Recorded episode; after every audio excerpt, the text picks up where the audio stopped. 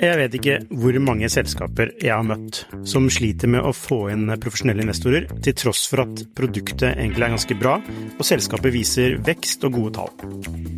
Hvis det er én ting de proffe investorene er på utkikk etter, i tillegg til at du bygger et bra selskap selvfølgelig, er hvordan du håndterer dine aksjonærer, eller ditt såkalte captable, som det heter på startupsk.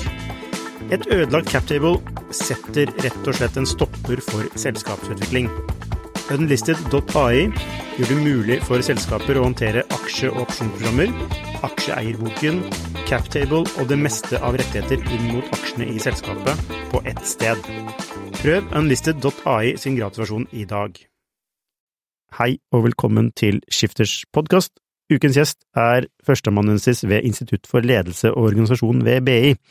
Hun er medforfatter på boken Produktiv motivasjon i arbeidslivet, hvor hun har vært med å skrive kapitlet om motiverende ledelse. Velkommen, Karoline Hofslett Kopperud. Tusen takk for det. Du er jo forsker på ledelse, Mm. Eh, og er det sånn at eh, du har en oppskrift som funker for alle ledere? Eh, jeg vil gå hardt ut. Eh, nei, det har jeg ikke. Eh, men, eh, eh, men det er liksom Altså, etter eh, veldig mange år, 100 år pluss, med empirisk forskning på ledelse, så har vi jo noen indikasjoner om hva som kan være en god idé. Ja. Eh, men jeg har ingen oppskrift. nei Og er det sånn at i din forskning, eh, da snakker du mye med ledere, Mm. og er, hvordan, måtte, hvordan hva er ditt inntrykk av, altså, altså hvis man skal være litt sånn stereotypisk, da, men hva er ditt inntrykk av ledere, norske ledere? Altså mitt personlige inntrykk Ja. av norske ledere. Ja. Oi, oi, oi, jeg vet ikke om jeg på en måte har snakket med nok norske ledere til å ha eh, et, et sånn solid inntrykk, men eh, men jeg har jo eh, undervist veldig mye på etter- og videreutdanning i ledelse Ja. eh, i mange år. Eh, og i den forbindelse også fått muligheten til å prate med en del ledere.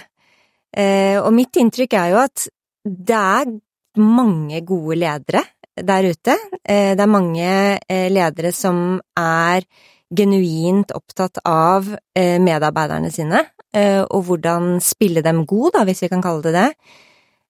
Og løse utfordringer de står i, og virkelig legger seg i selen for å få det til, da. Eh, og så er ledelse vanskelig, veldig vanskelig. Eh, fordi nettopp sånn som du spurte meg om, ikke sant, om det finnes en oppskrift, og hadde det enda vært så vel, så, eh, så hadde det kanskje ikke vært så vanskelig, men, nettopp fordi det ikke gjør det, så, så er det vanskelig. Det er eh, utrolig mange situasjonsfaktorer, da, eh, som spiller inn i forhold til hva som er rett og galt å gjøre her og nå. Ehm, så, eh, så det er ikke nødvendigvis sånn at det er en sånn quick fix på alle problemstillinger en står overfor. Eh, og mm, det er det ene. Og det andre er jo også det at det å være leder er en utrolig krevende stilling å ha. Eh, Det er det en del som glemmer, ikke sant. Vi har enorme forventninger til lederne våre om hvordan de skal eh, løse alle våre praktiske problemer og løse alle motivasjonsproblemene våre og, og virkelig liksom fikse alt vi står i. Um, Men det finnes, eh, finnes eh, rapporter i dag som viser at eh, ledere eh, opplever jobben sin som svært stressende. Det var en sånn her, eh, internasjonal rapport for noen år siden som viste at eh, omtrent 80-90% av alle ledere som ble spurt i den rapporten, fortalte at jobben deres var en sånn primær kilde til stress i livene deres. Ja. Eh, og så vet vi også det at eh, ledere eh, opplever oftere konflikt på jobben enn enn de som ikke har lederposisjoner, da. Eh, og de som opplever Og det er jo kanskje naturlig, i og med at eh, ledere ofte er de som står ansvarlig for å håndtere konflikter også, men likevel, eh, og i tillegg til det så ser vi også indikasjoner på at ledere opplever vesentlig mindre grad av sosial støtte, altså kollegastøtte, enn det folk med ikke-lederposisjoner gjør, da. Mm. Så det er en utrolig krevende jobb å, å stå i, så jeg må si at jeg ofte tar av meg hatten for en del av de jeg har pratet med, da, i hvert fall. Ja, er det sånn at eh, Altså, jeg lurer på hvorfor blir man leder da? Ja. Hva er, som, hva er gevinsten? Bortsett fra kanskje mer lønn, da. Ja, det lurer jeg også på. Nei da. Nei, uff a meg, det var, det var feil. flåsen sagt. Nei, men eh, det er jo Altså, det er jo eh, Fins jo eh, forskjellige typer forskning på det, ikke sant. At noen har en sånn iboende motivasjon for å ville lede. Mm. Ehm, og, og den motivasjonen kan jo være ulik, den, ikke sant. Noen har behov for et større behov for makt enn andre. Eh, mens andre igjen har jo et større behov for å faktisk gjøre en forskjell. Eh, og selv om vi vet om disse utfordringene som en lederposisjon medbærer seg, så er, vet vi også eh, at det å ha en lederstilling gir en enorm mengde goder. Mm. Ikke sant? I tillegg til alle disse utfordringene, Ja. så er det jo klart det at det å ha en lederstilling gir eh, muligheter for innflytelse, eh, muligheter for ja, altså innflytelse og påvirkning på beslutninger, ikke sant. Du kan være med å styre hva som skal skje, hvordan det skal skje.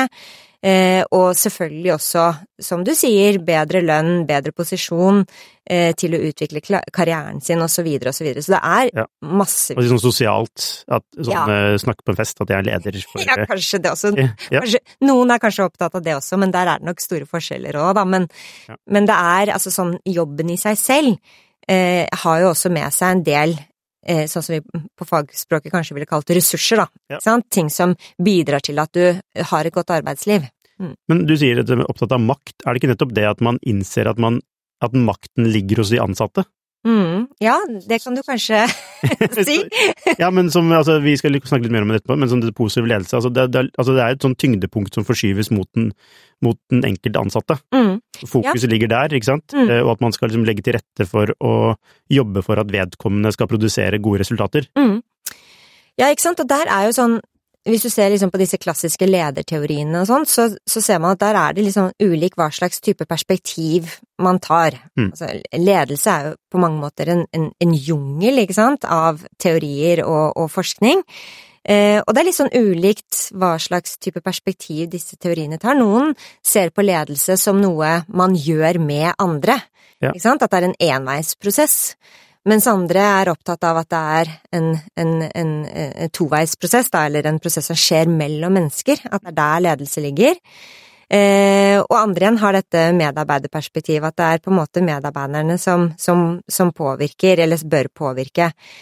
Eh, og eh, det er nok eh, veldig viktig, eh, og det har vi kanskje ikke så mye fokus på alltid, men det er nok veldig viktig å å erkjenne det med at det er en toveisprosess, og at eh, en, en leder eh, kan tilrettelegge og gjøre så og så mye, men er selvfølgelig avhengig av medarbeidere som, som også eh, bidrar inn, da. Mm. Ikke sant? Som Hvis du er en leder og ikke- aktivitet. Ja, så hvis, La oss si du er en leder da, som gjør alt du kan, Mm. men så har du medarbeidere som gjør eh, det motsatte, holdt på å si. De, for, eller sånn, altså ikke det motsatte, men altså du har en led, altså det er en vilje til å lede, og så, men så har du medarbeidere som setter seg på bakbeina. Mm.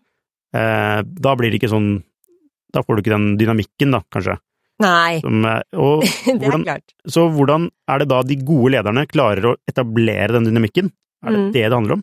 Ja, egentlig, Mm. ikke sant, fordi at eh, jeg er helt sikker på at alle, eh, alle som hører på dette og, og som har en lederposisjon, har erfaringer med at det kan være utfordrende, ikke sant, eh, og at det, er ikke alle man helt får det til med, men, men, men det er jo akkurat det du sier, ikke sant, god ledelse handler jo om eh, å møte mennesker der de er, og så klare å finne den derre nøkkelen på hva er det jeg trenger å gjøre for at du eh, trives bedre, er mer motivert, Mm. eh, presterer bedre, for eksempel, og så videre. Fordi eh, det kapittelet handler om motiverende ledelse. Mm. Og veldig sånn Hvis vi skal liksom Ok, hva er ledelse? Ja.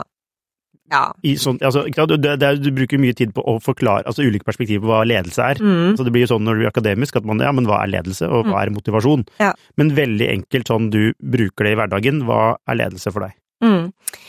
Ledelse for meg i hverdagen, altså sånn, sånn som jeg forholder meg til det, handler om eh, eh, å få ting til å skje gjennom andre, eller kanskje ikke gjennom andre, men sammen med andre, da. Ja. Uh, og jeg er nok veldig opptatt av at ledelse er atferd, altså det er noe du gjør. Uh, og at alle kan vise ledelse som atferd, da, noe du gjør, uavhengig av om du har en formell posisjon som leder eller ikke. Mm. Uh, samtidig så er det jo så klart at det følger med noen rettigheter som leder, noen styringsrettigheter som leder, som du selvfølgelig ikke har hvis du ikke har denne formelle lederposisjonen. Mm.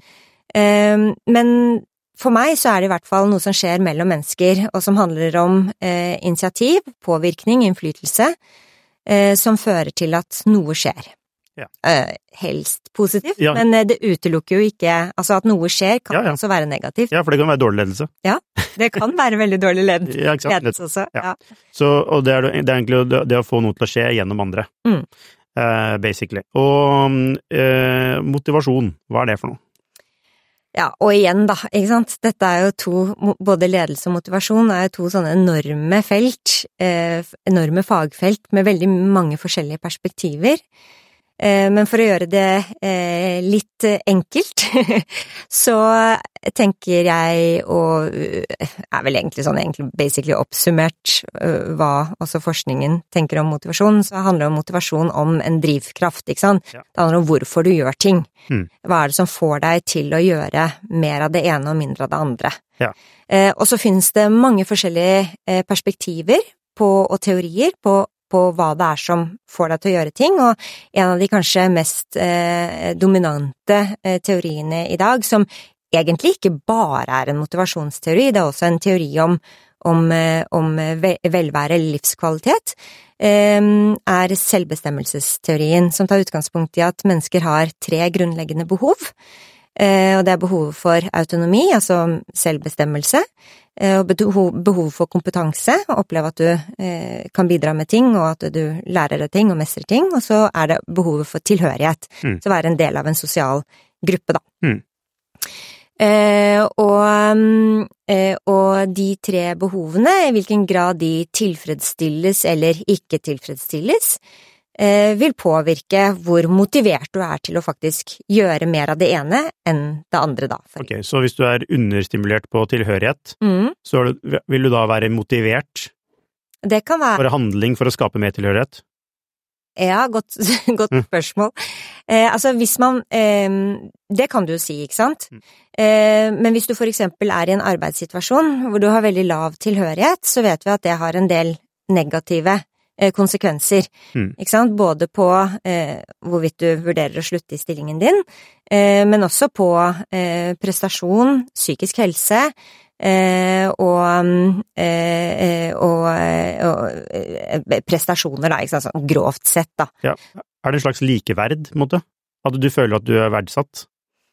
Ja, eh, på en måte ja, og det gjør du kanskje indirekte gjennom å føle, føle at du hører til noen. Ja. Det, hvis du tenker på covid, da, for eksempel, eh, nedstengingen under covid, eh, så eh, var jo for eksempel en av de største utfordringene for veldig mange var at vi, vi mistet på en måte sosial kontakt med andre. Ja. Ikke sant? Mm. Så vi ble isolert. Ja. Og det at vi ble isolert, kunne jo da føre til at vi satt med en opplevelse av å ha lavere sosial tilknytning, eller tilhørighet Ja. til omverdenen. Ja. Eh, em, og i verste fall så fører jo det til ensomhet.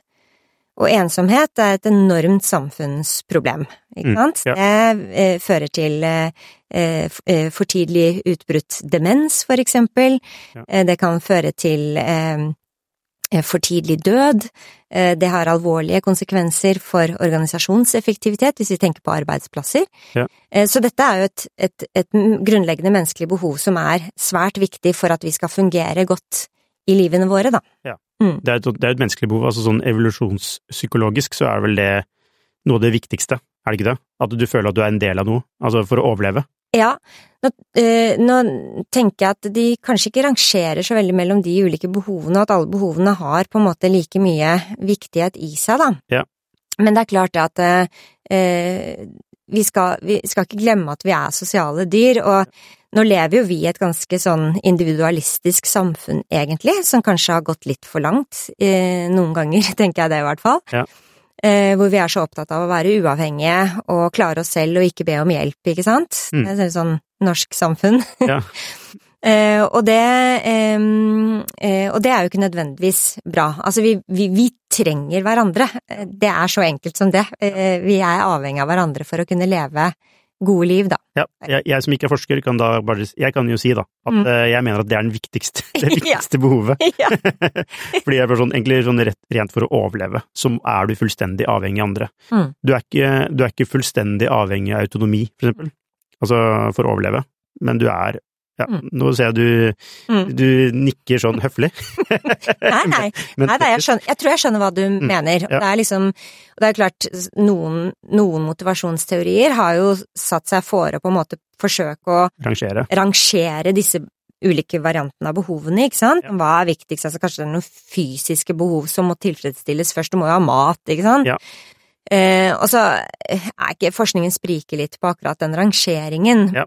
Men det er, det, er, det er, en litt sånn sidespor, egentlig, da. Det er min skyld. Eh, fordi altså, det er i hvert fall identifisert disse tre mm. elementene, mm. eh, eller tre behovene, mm. og da vi snakket litt om da, tilhørighet, og så er det da dette med autonomi, at mm. du føler at du kan bestemme selv, at du har en viss grad av selv, altså at du har en viss evne til å kunne putte deg selv inn i arbeidet.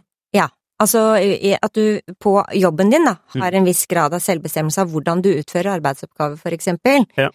Eh, og i, i, i hjemmekontordebatten, som jo blomstret under covid, men som også har hatt en del etterspill, mm. eh, så er jo det argumentet, ikke sant, at vi har kanskje fått forringet eh, behov for sosial tilhørighet, men vi har også fått eh, tilfredsstilt behov for økt autonomi, ikke sant, ja. at du kan bestemme litt hvor jeg jobber, når jeg jobber, hva, øh, hvordan jeg løser arbeidsoppgaver og sånt noe. Mm. Eh, og så må man huske på at disse behovene er jo eh, individuelle, sånn at hvor mye autonomi som er nok for at jeg skal være motivert, ja. kan jo være ulikt for hvor mye autonomi du trenger. Ja. Vi, men, men, at behovene må være der, at vi, det er viktig for oss å eh, få tilfredsstilt disse behovene for å føle oss motivert, det, det, er på en måte ganske tydelig og sikkert. Det er så ulike spektrum, da. Ja. Så, men, ja, ikke sant? Men mm. hvor mye som skal til, ja, vil jo avhenge av personen. Ja, ikke sant. Så autonomi at, eh, Men nå snakker vi også om motiverende ledelse, da. Altså ledelse som Altså hvis du som leder skal øh, prøve å motivere dine ansatte mm. prestere da bedre enn et snitt, vil jeg mm. tro. Ikke sant? Mm. Altså det, jeg, må, jeg, tenker det må være målet med motiverende ledelse. Mm. At det blir noe bedre enn ikke-motiverende ledelse. Ja, eller, sånn, eller, eller, bare ledelse. ja. Eh, så hvis du skal få noen ansatte til å altså, eh, prestere bedre enn snittet, mm. Eh, så er det, handler det om da å gi må, Det er en viss grad av autonomi, liksom, avhengig av hvordan personen er. Mm. En viss grad, altså du, Det må være en altså, tilhørighetselement. Mm. og så er det da dette med kompetanse. hva betyr det? Ja, eh, det handler jo om at du sørger for at eh, folkene dine da får muligheten til å bruke kompetansen sin, altså det de kan, mm. Eh, men også utvikle seg, ikke sant, lære nye ting. Så det handler jo veldig mye om å ha rom for at folk kan, kan, kan bidra inn med, med, det de har fra før, da. Ja.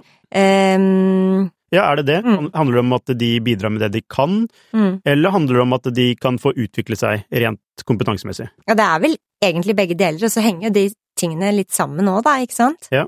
At du har et grunnlag, og så eh, trenger jo alle påfyll for å utvikle seg, så du må jo føle at du er i bevegelse for mm. å kunne beholde motivasjonen nødvendigvis, da, ikke sant? Ja. Mm. Ja, det, det, farlige er jo da hvis noen medarbeidere mener de har veldig høy kompetanse, mm. noe de ikke har kompetanse for. Mm. og så har de De vil ha autonomi, men de evner ikke å eh, Altså, de er ikke selvledet, på en måte, mm. som gjør at de klarer å evner å Altså, um, så det er noen sånne derre vi, vi, nevnte så vidt altså det med selvinnsikt i før sending. Mm. Altså, selvinnsikt Hvor viktig er Du sier at selvinnsikt er viktig hos ledere, eh, det skal vi komme tilbake til, men hva, hvor viktig er selvinnsikt hos medarbeideren? For det er jo en For medarbeideren så er det en følelse av noe. Mm. Jeg føler at jeg har autonomi, mm. Eh, eller det vil si, jeg føler at jeg burde hatt mer autonomi, mm. fordi jeg klarer jeg, jeg, behersker dette her, mm. så, og jeg har bedre løsninger på dette. Mm. Men hvor viktig men det er ikke sikkert vedkommende har det, da, mm. for å ta lederperspektivet, da. Mm. Eh, men så hvor viktig er da selvinnsikt blant medarbeidere? Altså, selvinnsikt er egentlig helt vesentlig eh, for at vi skal klare å forholde oss til en omverden. Altså, eh, la oss bare putte det på spissen, da. Ja. Et menneske med null selvinnsikt vil jo ha enorme utfordringer med å fungere eh, i en hvilken som helst situasjon. ja. Veldig hardt. Null selvinnsikt. Ja, ser jeg for meg en person som bare null. ja ikke sant? Ja. Det, det handler litt om eh, både det å liksom forstå eh, hvordan du virker på andre, men også forstå eh, ditt eget ansvar, da, eh, i å bidra konstruktivt inn i en, i en situasjon. Hmm.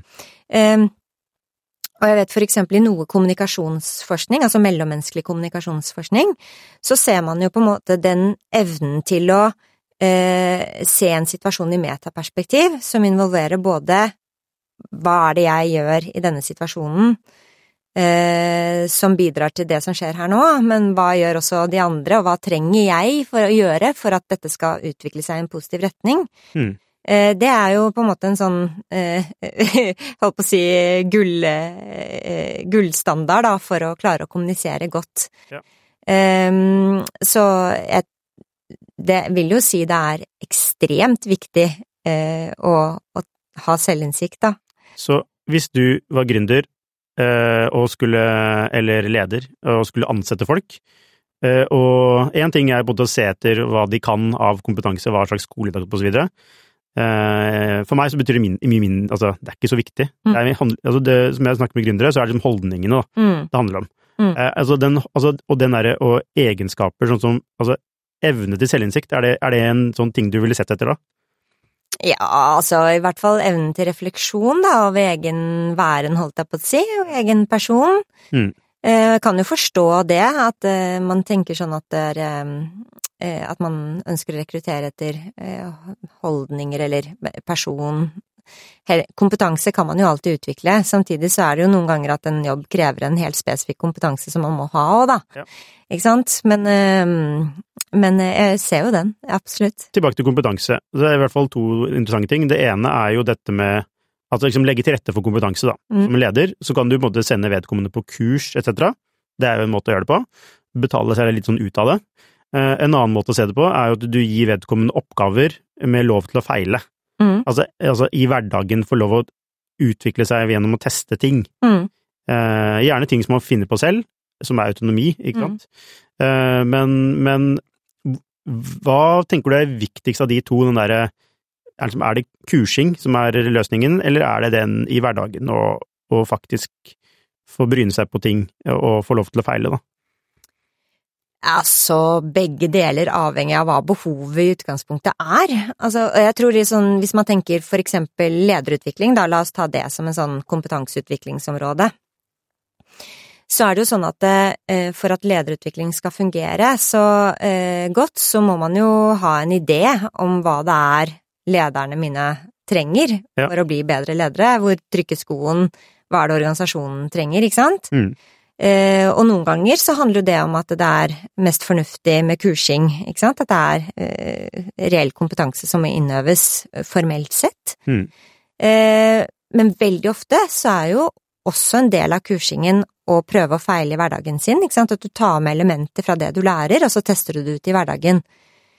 Eh, Det er jo det ene, og så er det selvfølgelig ekstremt viktig at du jobber på et sted hvor du føler, at, eh, hvor du føler deg trygg, da, til å prøve ut og teste, og at det er lov til å feile, som du sier. Eh, Det er en, en, en kjempeviktig del av en organisasjonskultur eller klima, eller hva vi skal kalle det, for, at, for, å, skape, for å skape prestasjoner da, og læring og utvikling, er at man har raushet for for å faktisk få lov til å feile når det skjer.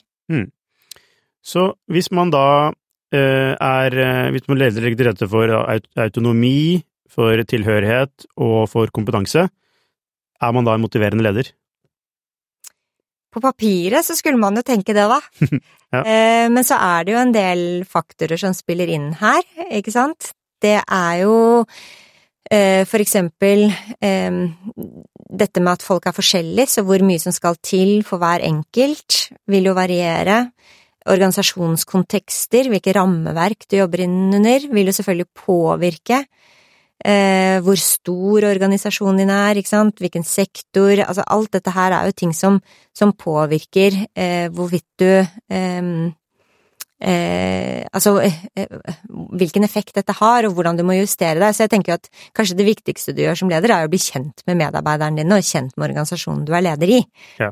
Kanskje litt sånn selvinnlysende. ja, ja, men altså det Ikke sant? Ja. Det er jo det ene. Og så handler det jo om å liksom eh, kanskje også få å ha den eh, respekten for at det du som leder tenker er nok, kanskje ikke er nok for alle, ikke sant? Eller at eh, de hva, hva, hva, hva, mener du med det? Ja, for eksempel hvis du tenker at ja, nei, jeg er en leder som tilrettelegger for masseautonomi, jeg, mm. men så opplever egentlig medarbeiderne dine at du detaljstyrer, for eksempel. Eh, jeg har jo snakket med ledere som, som også forteller at de er veldig frustrert over eh, medarbeidere som kanskje ikke presterer så godt som lederen hadde ønsket. Eh, og så er på en måte løsningen at da må alle arbeidsoppgavene som de har gjort, gå gjennom meg. Så kan jeg filtrere og rette opp ja. feilene. Ja. Ikke sant? Men da er du ikke leder. Nei, da, gjør, det, men, ja, da gjør du jobben. ja, men du kan jo likevel sitte med en opplevelse av at jeg gir jo masse autonomi, for jeg har jo enorm på en måte, De kan jo få lov å jobbe hjemmefra hvis de vil det, ja, eh, ikke sant, og, og, vi har flekstid her hos oss, så mm. de har jo masse autonomi.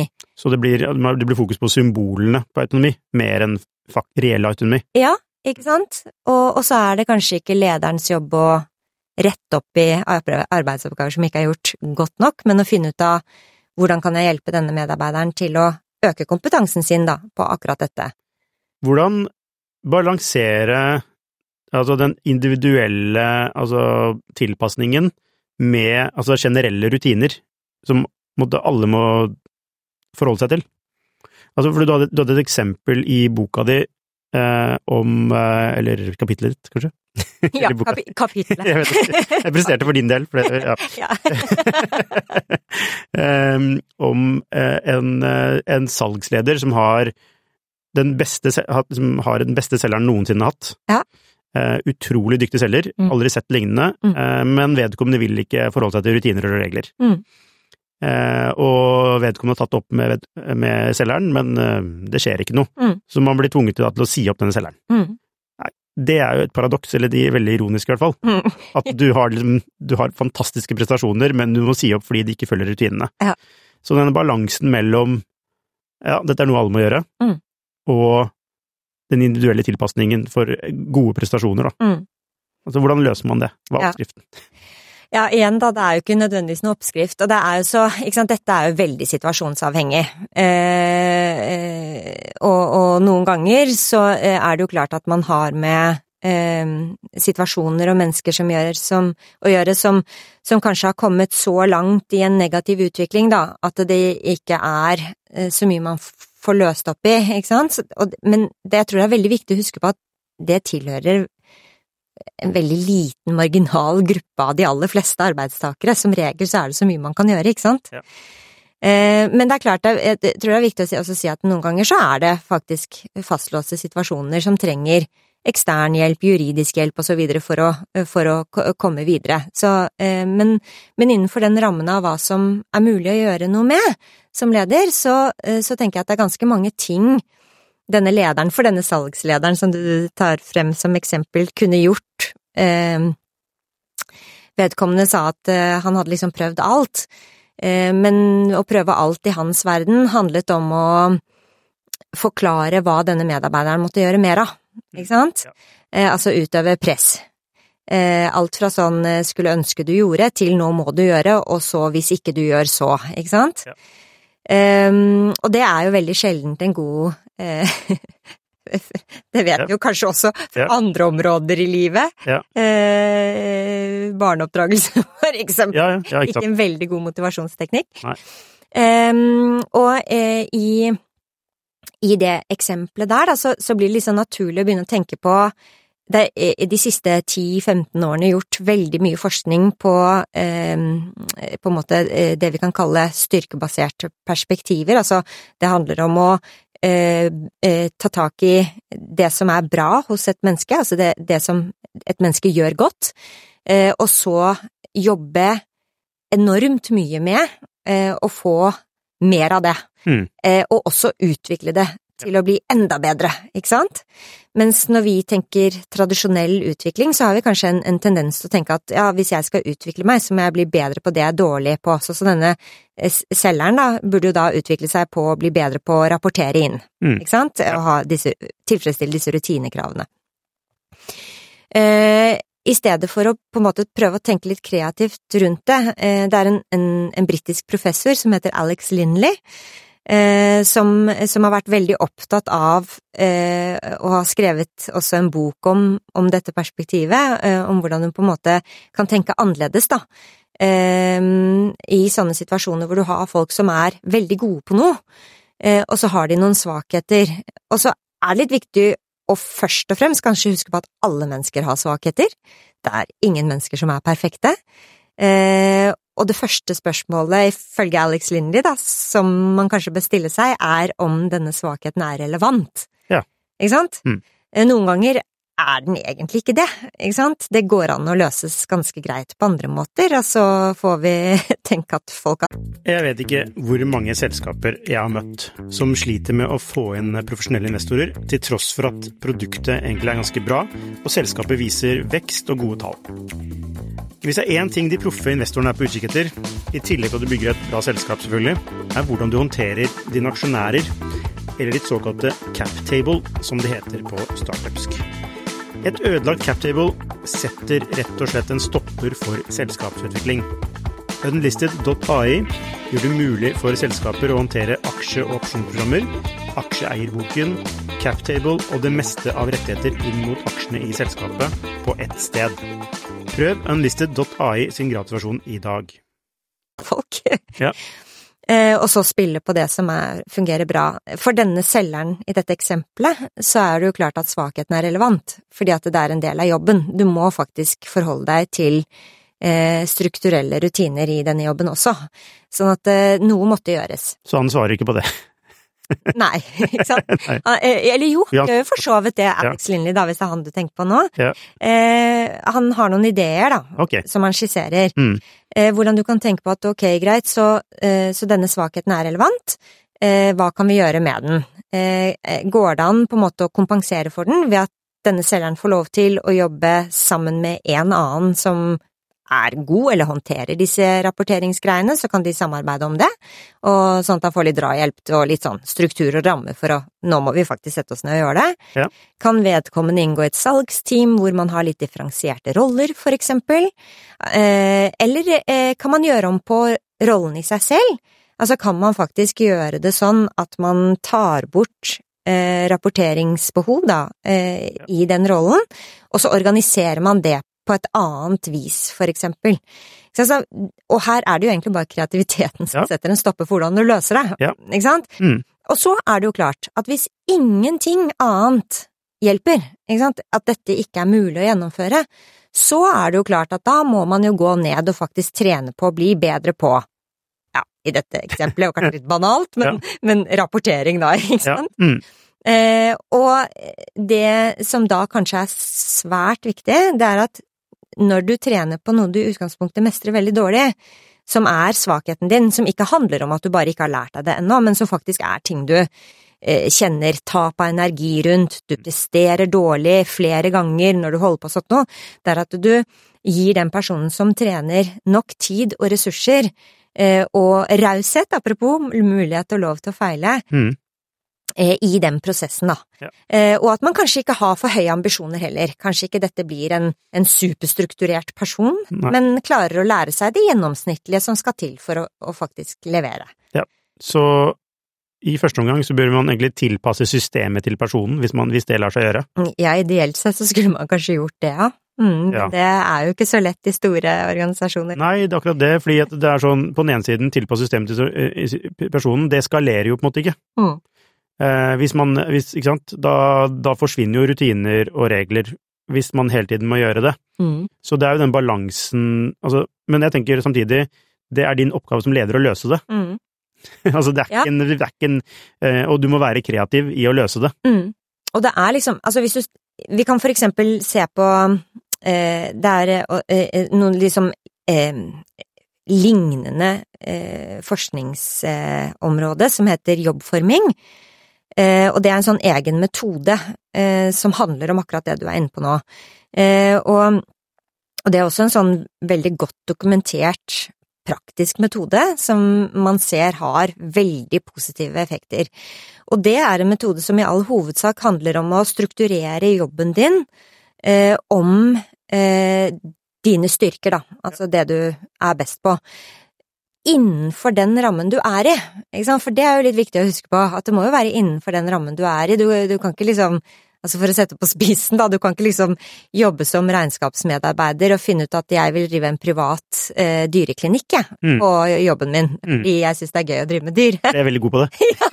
Er Min styrke. ja, altså bare for å sette det Ja. helt på spissen. Mm. Så det er jo klart at det er jo et rammeverk her, og det er jo, sant, det er jo, og det må man jo på en måte være ærlig om, at dette er, dette er det vi gjør, dette er det vi skal levere samlet sett som team, eller som avdeling, eller hva det nå skal være. Mm. Eh, hvordan rigger vi oss best mulig innenfor det? Eh, og da er denne metoden jobbforming som, eh, som handler om å identifisere, det er en ganske sånn strukturert metode, som handler om å identifisere både hvilke oppgaver som skal løses, eh, hvilke styrker du har i forhold til de ulike oppgavene og så videre, eh, men da innenfor eh, for de rammene som gjelder. Mm. Og det viser ganske eh, solide, eh, gjen, altså eh, solide, men altså liksom gjennomgående gode resultater, da. Ja. Så jeg tenker det er så mye man kan gjøre, og det, eh, og, og, jeg- det handler jo ikke om at du nå plutselig skal kaste alt på båten og si gjør som du vil. Det er ikke det det handler om i det hele tatt, ikke sant?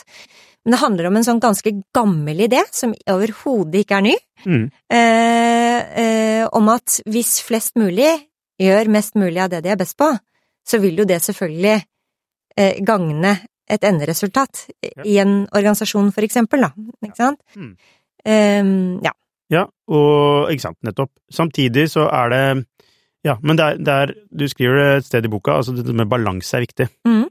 Eh, altså det må hele tiden balanseres opp mot eh, Altså her blir det et sånn individualistisk perspektiv, da. Mm? Styrken Mm. til individet. mm, Det må jo balanseres opp mot hensynet til selskapet, eller behovene til selskapet også. mm, Eh, For eksempel hvis det er veldig, altså jeg tror det står til at hvis det er liksom veldig mye autonomi, så Mm. kan det skape koordineringsutfordringer på Mm. den andre siden. mm. Eh, Så det er, det er noe sånn, det er altså Handler en leder om å være en sånn sjo- sjonglør som Mm. hele tiden balanserer? ja. Ja.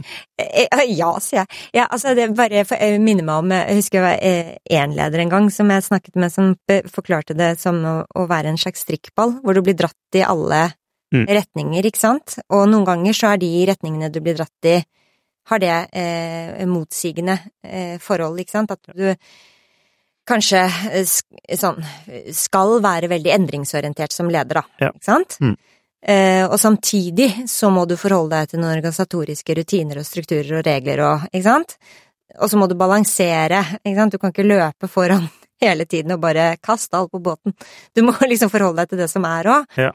Eh, og noen ganger så må du eh, forholde deg til at eksterne krav eh, overgår det du opplever at ditt team kan levere, faktisk. Mm. Ikke sant? At det sliter ut teamet ditt. Ja. Og hvor er balansen i det? Mm. Um, så det er noen forskere uh, som har vært litt sånn opptatt av akkurat den balansen, da. Og da er vi jo litt sånn over på sånn hvordan leder på en måte uh, både har selvinnsikt nok til å liksom se at her kan det være eh, motstridende behov, men også selv evner å vurdere hvor er det jeg har mine styrker, ikke sant. Er jeg en veldig relasjonsorientert leder som jeg tar veldig godt vare på medarbeiderne mine, går det da på bekostning av noe annet, og hva må jeg da gjøre, ikke sant? Mm. For å, eh, for å få hjelp til å, å balansere ut dette igjen, da. Ja. Mm. Apropos det, selvinnsikt. Det er et sentralt begrep. Mm. Eh, Selvinnsikt blant ledere. Hvorfor er, det, hvorfor er det så viktig? Jo, altså, som hos andre folk, holdt jeg på å si, så ser vi at det er en sånn vesentlig eh, faktor, og det er faktisk en sånn faktor som kan bidra til at eh, eh, selv om du utøver den ledelsen du tenker som på papiret er riktig, da, Mm. ikke sant, eh, så vil det ikke ha de positive konsekvensene som du skulle forventet av den oppførselen du tenker du selv viser, da. Ja. Ehm, eh, og eh, sånn i, i forskningsverden så har, jo, har man sånn i ledelsesforskningen, da, eh, behandlet selvinnsikt som hvor stort gap det er mellom din egen vurdering av deg selv som leder, og andres vurderinger av deg som leder. Det er sikkert det er veldig mange som har tatt sånne 360-graders evalueringer, ikke sant? Ja. Så kan bidra til å avdekke litt sånn oi, her var det ikke samsvar i det hele tatt om hvordan du opplever deg selv, Mm. eh, og hvordan andre opplever deg. Ehm, og da kan det være en indikasjon Altså, i utgangspunktet, altså for lenge siden, så i ledelsesforskningen så tenkte man på det som en sånn målefeil, dette måtte kontrolleres for og sånt noe, men så har man etter hvert sett at oi, dette i seg selv, altså den størrelsen på avstanden mellom vurderinger, da, Mm. eh, kan faktisk påvirke utfall. Ja. Eh, Sånn at når eh, avstanden er veldig stor, så ser vi at det, blir annerledes utfall på for eksempel da, motivasjon. La oss si motivasjon, da. Ja, Så det er en korrelasjon, eller en kausal, altså mellom eh, altså, gap, altså gapstørrelsen Mm. eh, og kall det motiverende effektiv ledelse. Ja, Det kan du si. Mm. Ikke sant? Sånn at eh, Vi kan kalle det en slags betingelse. Ikke sant? Sånn at eh, når, det er stor, når det er stort gap da, mellom hvordan du opplever deg selv, og, og hvordan andre opplever deg, så, så eh, kan det faktisk forstumme eller forsterke Mm. eh, virkningen av en eller annen form for ledelse som er eh, ventet å ha positive effekter, da. Ikke sant? Mm. I eh, ulike situasjoner. Sånn at det, og der skiller man også hva slags type gap det er.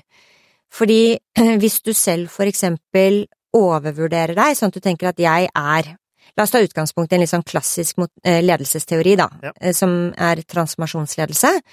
eh, Hvor en transformerende leder er på en måte en, en leder som som er innflyt... Altså har en viss grad av karisma, som utfordrer status quo, altså er litt sånn endringsorientert, ikke sant?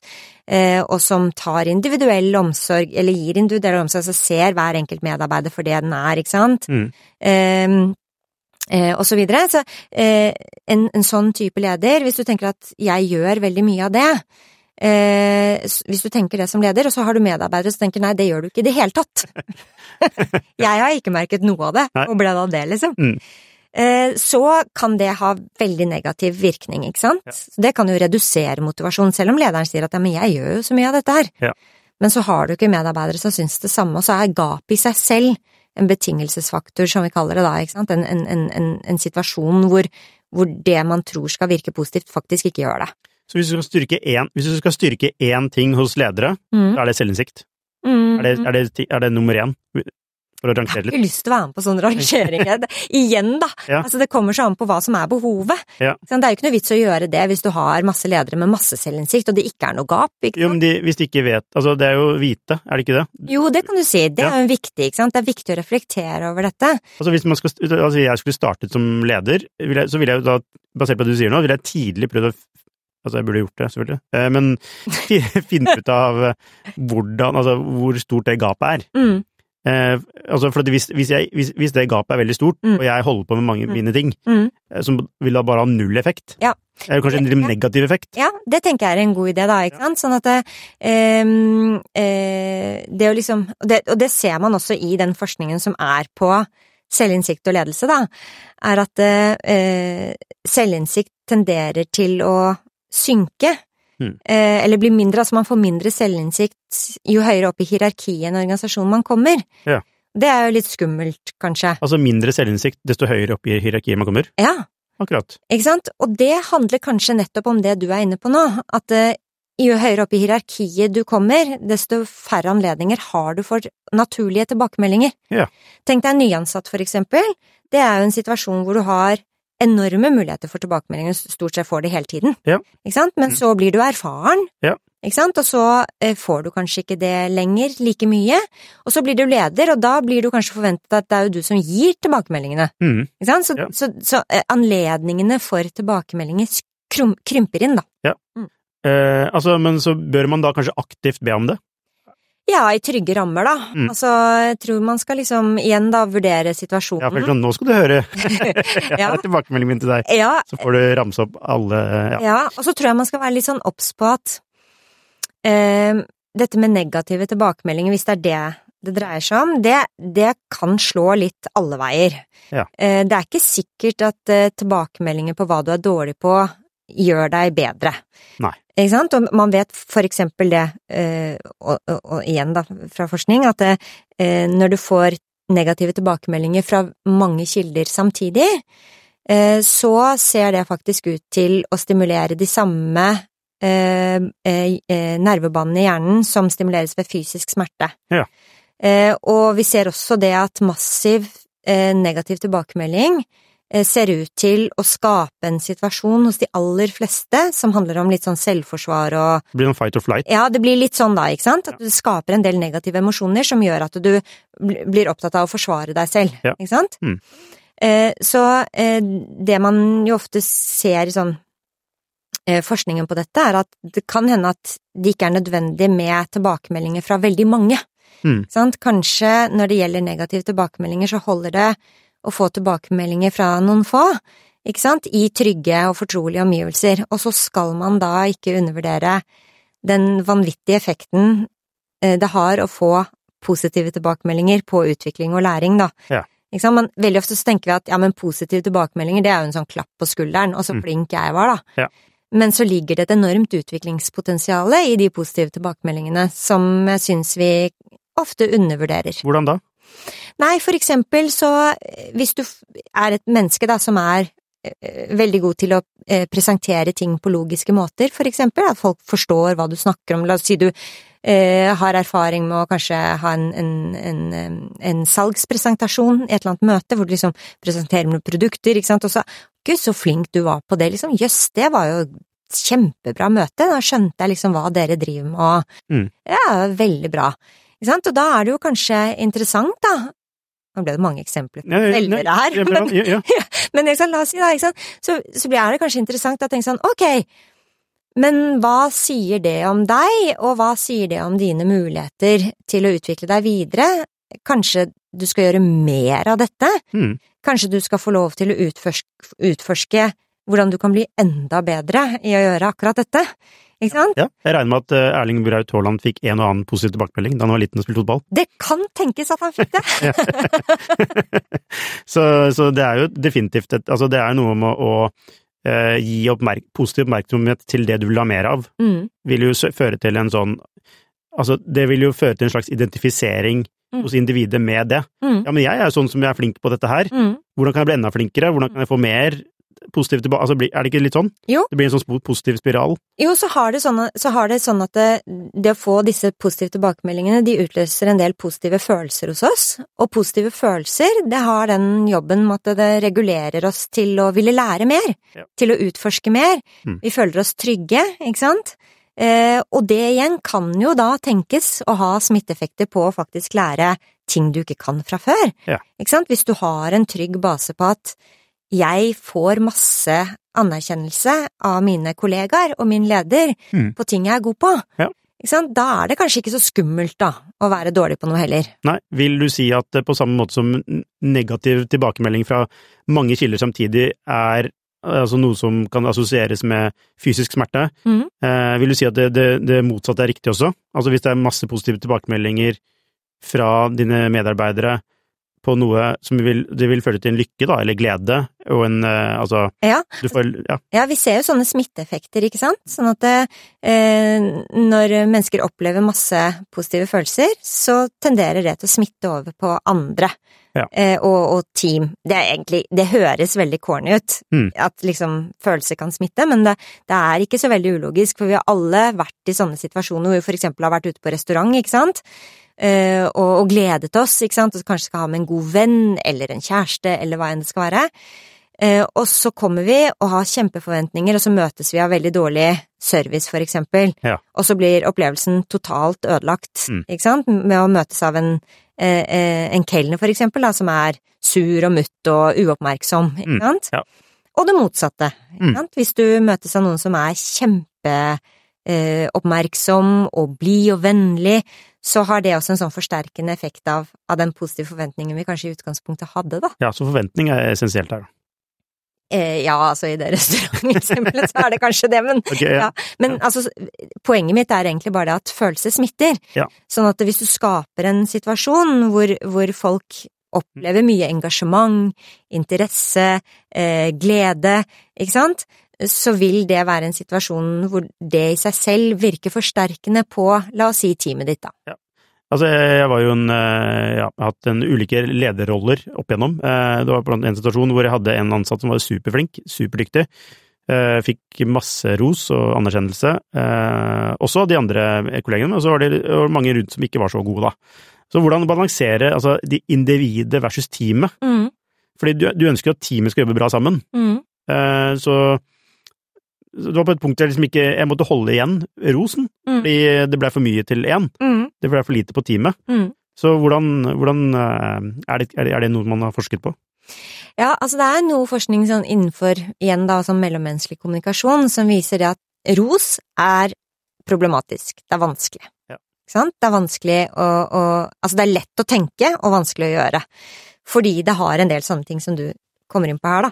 Eh, og, og det handler også om liksom hva er det du roser, ikke sant? Så er det, eh, er det enderesultatet, eller er det prosessen som ledet opp til et hvilket som helst resultat, ikke sant? Det skiller man jo også veldig med. Apropos det vi snakket om i sted, lov til å feile, ikke Mm. Og jeg tror nok at hvis man virkelig skal skape rom for å feile, eh, så må man jo også anerkjenne den prosessen folk har vært i, og si fy søren, så mye tid du har lagt inn i dette, Mm. så hardt du har jobbet, og så bra du har jobbet. Så dumt at det ble som det ble, ikke sant? Mm. Eh, og så reflektere rundt det. Eh, Ja, og så verdsette innsats. ja, verdsette innsats. Det er jo én form å liksom være opptatt av altså hva slags type ros du gir. Og så er det en annen faktor, som er det du er inne på. Sånn gir du, gir du anerkjennelse i, i plenum, så må du vel kanskje være veldig nøye med at alle får Ja, anerkjennelse. akkurat det. Men igjen, da, da er det jo din jobb som leder å kjenne de ulike styrkene til teamet ditt. Mm. For hvis du som leder har forventninger om at teamet ditt skal være én ting, så tror jeg det blir veldig vanskelig. Men et team, for at team skal fungere optimalt, så må jo det teamet være mange, Ja. ikke sant? Mm. Hvor enderesultatet blir bedre enn en bare delene, Ja. ikke sant? Mm. Så da må du jo trene deg i å se de ulike styrkene hos de ulike folkene, ikke sant? Og gi lik anerkjennelse for det. Ja, så alle må få anerkjennelse. Ja, Teamet. eller man kan gi anerkjennelse til teamet som helhet, og så tar man de individuelle, spesielt positive tilbakemeldingene på enmannshånd. Men igjen, da sørge for å balansere det litt ut, da. Ja. Men så må man jo kanskje også tenke at altså, man kan ikke alltid gjøre alt, og i noen situasjoner så trenger noen mennesker litt mer enn andre. I noen situasjoner så vil det være noen mennesker som trenger oftere og mer anerkjennelse enn andre igjen, og det kan endre seg neste uke. Mm. Altså, du må på en måte klare å liksom lese situasjonen litt òg, da. Ja, altså hvor mye tid Altså, nå spør jeg deg som du har svar på alt, men hvor mye tid? Eh, altså, ofte så er man jo Altså, man balanserer det å være leder, kall det det, altså disse relasjonsaktivitetene, Mm, for å si det sånn, da, mm, eh, med andre aktiviteter, da. Mm. Som er liksom lage den powerpointen og gjøre det, altså alle disse tingene du må, må gjøre, mm, som egentlig du tenker er den viktigste jobben din. mm, Eh, Men så er du også leder for noen andre, da. Um, hvordan Altså, hva skal man bruke mest tid på? Altså, ja. Eh, ja, det er vanskelig altså, eller hvordan sørger man for at man har nok tid til å drive relasjonsbygging, da? Mm. LMR, som det heter i boka. Ja. Leder-medarbeiderrelasjon. Ja. Altså, det som selvfølgelig spiller inn her, er hvor mange medarbeidere du har ansvaret for. Ja. Så noen har ansvaret for to medarbeidere. Ja. Og andre har ansvaret for 40 medarbeidere, eller mer. Ja. Ikke sant? Det er jo en kjempeulik situasjon å være i. Eh, Men det er klart at jo mer jo flere mennesker du har ansvaret for, lederansvaret for, desto mer tid bør du jo bruke på ledelse. Altså det vil si LMR, da, eller skape gode, gode relasjoner. For som leder så er vel det egentlig, eller ideelt sett, så skulle vel det egentlig vært primærjobben din, og så er det ikke alltid sånn. Ehm, men jeg tenker jo at jo flere du har ansvaret for, desto mer tid må du bruke på akkurat det, uten at det betyr at du ikke skal bruke tid på det hvis du har to medarbeidere, er jo, men da er det jo klart at det går fortere, Ja. eh, ikke sant, å bygge relasjoner til to stykker enn til 40. Selvinnsikt er viktig. Eh, hvis det er på en måte én annen ting, da, som vi skal ha fokus på Jeg liker sånne Ja. Hva er liksom det som gir 80% effekt? Oi, oi, oi. Altså, for det er jo, det er jo litt Ja. sånn nå, Du er akademiker, da, og eh, måte det, Ja, det, du er begrenset Mm. eh, litt av å kunne si ja, å hevde ting, og så videre, Mm. eh, som er bra. Mm. Fordi vi ønsker jo at forskning skal være solid og, og til å stole på. Men, men ofte så er det jo Det er jo ofte noen elementer Mm. Altså det er jo uendelig med aktiviteter man kan gjøre, men det er ofte noen ting som måtte vise seg å være Ja, Ja. dette er eh, Altså eh, Det er jo selvfølgelig det. Mm. Uh, I hvert fall, altså um, Det betyr ikke at liksom gjør du dette, så er du liksom home free i hvilken som helst situasjon, men det er jo klart det at eh, hvis vi barber, prøver å barbere det litt ned, da, ikke sant, alle disse ledelsesteoriene eh, og, eh, har jo også er jo også eh, teorier som har skudd for baugen, ikke sant, det blir for Mm. komplekst, Ja. det blir for lite konkret. Eh, det er jo, ledelsesforskningen mangler jo veldig forskning på konkret, konkrete handlinger, ikke Ja. sant, mm, og er stort sett veldig beskrivende. mm, Eh, så, men hvis vi skal på en måte barbere den ned, og så prøve å liksom se sånn, men hva er det egentlig alt dette handler om, ikke sant, så handler det jo kanskje først og fremst om å bli kjent med medarbeiderne dine og organisasjonen du jobber i. Eh, Altså, gjør du det, og bruker og dedikerer tid på det, og også på en måte er litt ydmyk selv, da, i forhold til hvem er jeg, og hvordan virker jeg på folk, Ja. så tror jeg du kommer ganske langt. Ja. Ehm, tenker jeg da. Jo, Eh, og det handler jo om alt dette her om å være opptatt av å bygge gode relasjoner, men du får ikke bygget gode relasjoner uten å bli, bli, bruke tid på å bli kjent med folk, ikke sant? Eh, og det handler om selvinnsikt, men du får ikke selvinnsikt uten å være ydmyk, ikke sant? Og det handler om å bygge på styrker, hva som fungerer godt, og få det til å blomstre, for å si det litt sånn flåste. Eh, og da må du også være litt ydmyk, for da må du anerkjenne andres styrker igjen. Så jeg, jeg tror på en måte, hvis vi kan barbere det litt sånn flåsete ned til det, ja. Det er ikke flåsete, da. Eh, Nei, kanskje ikke flåsete, men i hvert fall litt sånn kortfattet, da. Ja, fordi det er sånn, hvis du hadde vært gründer, da, Mm. så kunne du ikke ta alle hensyn. Nei. Hver dag. Altså, ja, men dette perspektivet Altså, du må bare sånn, ok, jeg må bare, jeg må bare velge noe, Ja. og fokusere på det. Og gründere er jo ofte mennesker som omgir seg med folk som er veldig motiverte i utgangspunktet. Så det å liksom stå der og være den store karismatikeren, det blir kanskje litt smør på flesk. Ja. Mm. Og da er det kanskje andre ting som skal til for å få det til å funke. Og igjen så kommer vi da tilbake, bli kjent med medarbeiderne dine, da. Altså, er, altså, altså som alt mulig annet, da, som bare eh, kokes det ned til bare som å være en ålreit person, liksom. ja, du kan jo si at det, du kommer ganske langt med det òg. Ja, det gjør det. ikke sant? Det er, altså, er det all forskning som bare summert i én setning, er det litt Ja, det hørtes ut som Det hørtes nesten trist ut for mitt vedkommende, men eh, Nei, altså, det er jo Det gjør Altså Nei. Eh, Altså, ja og nei, da. Altså, det er jo veldig mye mer enn det. Og ikke sant, hva er en ålreit person? Det kan man jo også diskutere. Ja. Eh, Ikke sant? Mm. Eh, Person er jo da, så nå skal vi høre hva det er. Nå skal vi fortelle. ja, ikke sant. Nei, men så Det er en som bryr seg, en som, eh, er, som har en relasjon, men en som også bryr seg på den måten at man sier ifra hvis ting ikke er bra. Altså, skjønner, altså, det, er en sånn, det er en dualitet i det, ikke sant? Som er den dualiteten som jeg føler altså, ledelse handler om. Mm. Når vi, altså, du har den derre strukturelle delen, som er som, som å si ifra Mm. på de ting som ikke er bra, og så har du den derre, kall det emosjonelle og medmenneskelige delen, da, som Mm. handler om å være til stede, da. Mm, Altså, det er jo å balansere de to Ja. hele tiden, og en god venn gjør jo det. virkelig, Mm. ikke sant? Sånn at eh, Ja, absolutt. Og så er det selvfølgelig sånn at eh, hvordan man sier fra når ting ikke fungerer, vil påvirke, Mm. ikke sant? Er det en måte å si ifra når ting Altså, er det en, er det en bestemt måte som viser seg best effekt? Du, du, du var inne på det, altså én til én, trygge rammer etc.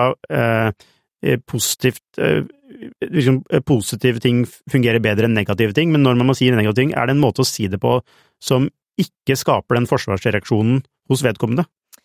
Eh, ja, altså det, da er vi inne på sånn grunnleggende feedback. Det er det nok andre som kan mer om enn meg, men, uh, men det er vel, sånn som jeg forstår den litteraturen der, viktig å være uh, situasjonsspesifikk, altså forholde seg til en situasjon. Eh, helt konkret, og konkret atferd, altså hva du gjorde istedenfor hvem du er, sånn at du unngår personkarakteristikker og holder Ja. deg til Mm. situasjon og atferdskarakteristikker, da. Ja. Eh, og så være tydelig på konsekvensen, og så prøve å jobbe eh, med det. Og så tror jeg det også er utrolig viktig i sånne situasjoner å erkjenne at det alltid er flere sider av en sak, Ja. eh, og at eh, hvem som har rett ligger kanskje midt imellom alle sammen, ikke sant? Sånn at man, man tilnærmer seg sånne situasjoner med et litt åpent sinn også.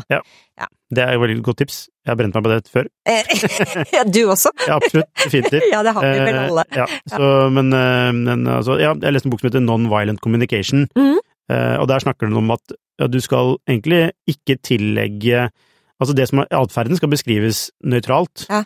Uh, og for den har ikke noe sånn den, Du skal ikke dømme den atferden sånn sett, men du Mm. kan, det du kan si er at det at altså det ble gjort på den måten, uh, fikk meg til å føle det. Mm, For det er jo min sannhet, mm, som vedkommende egentlig ikke kan så tvil om. Mm. Det er sånn, sånn opplevde jeg det. Mm. Og det er egentlig en, en inngang til en diskusjon, da. mm, Ja, men det var ikke det jeg mente, fordi, ikke sant, skjønner du? Altså, sånn, så, så en måte å gi feedback på er jo nettopp å fokusere på seg selv, hvordan, hvordan det påvirker meg mm, at dette skjedde. mm, Da angriper du ikke 'du gjorde det', mm.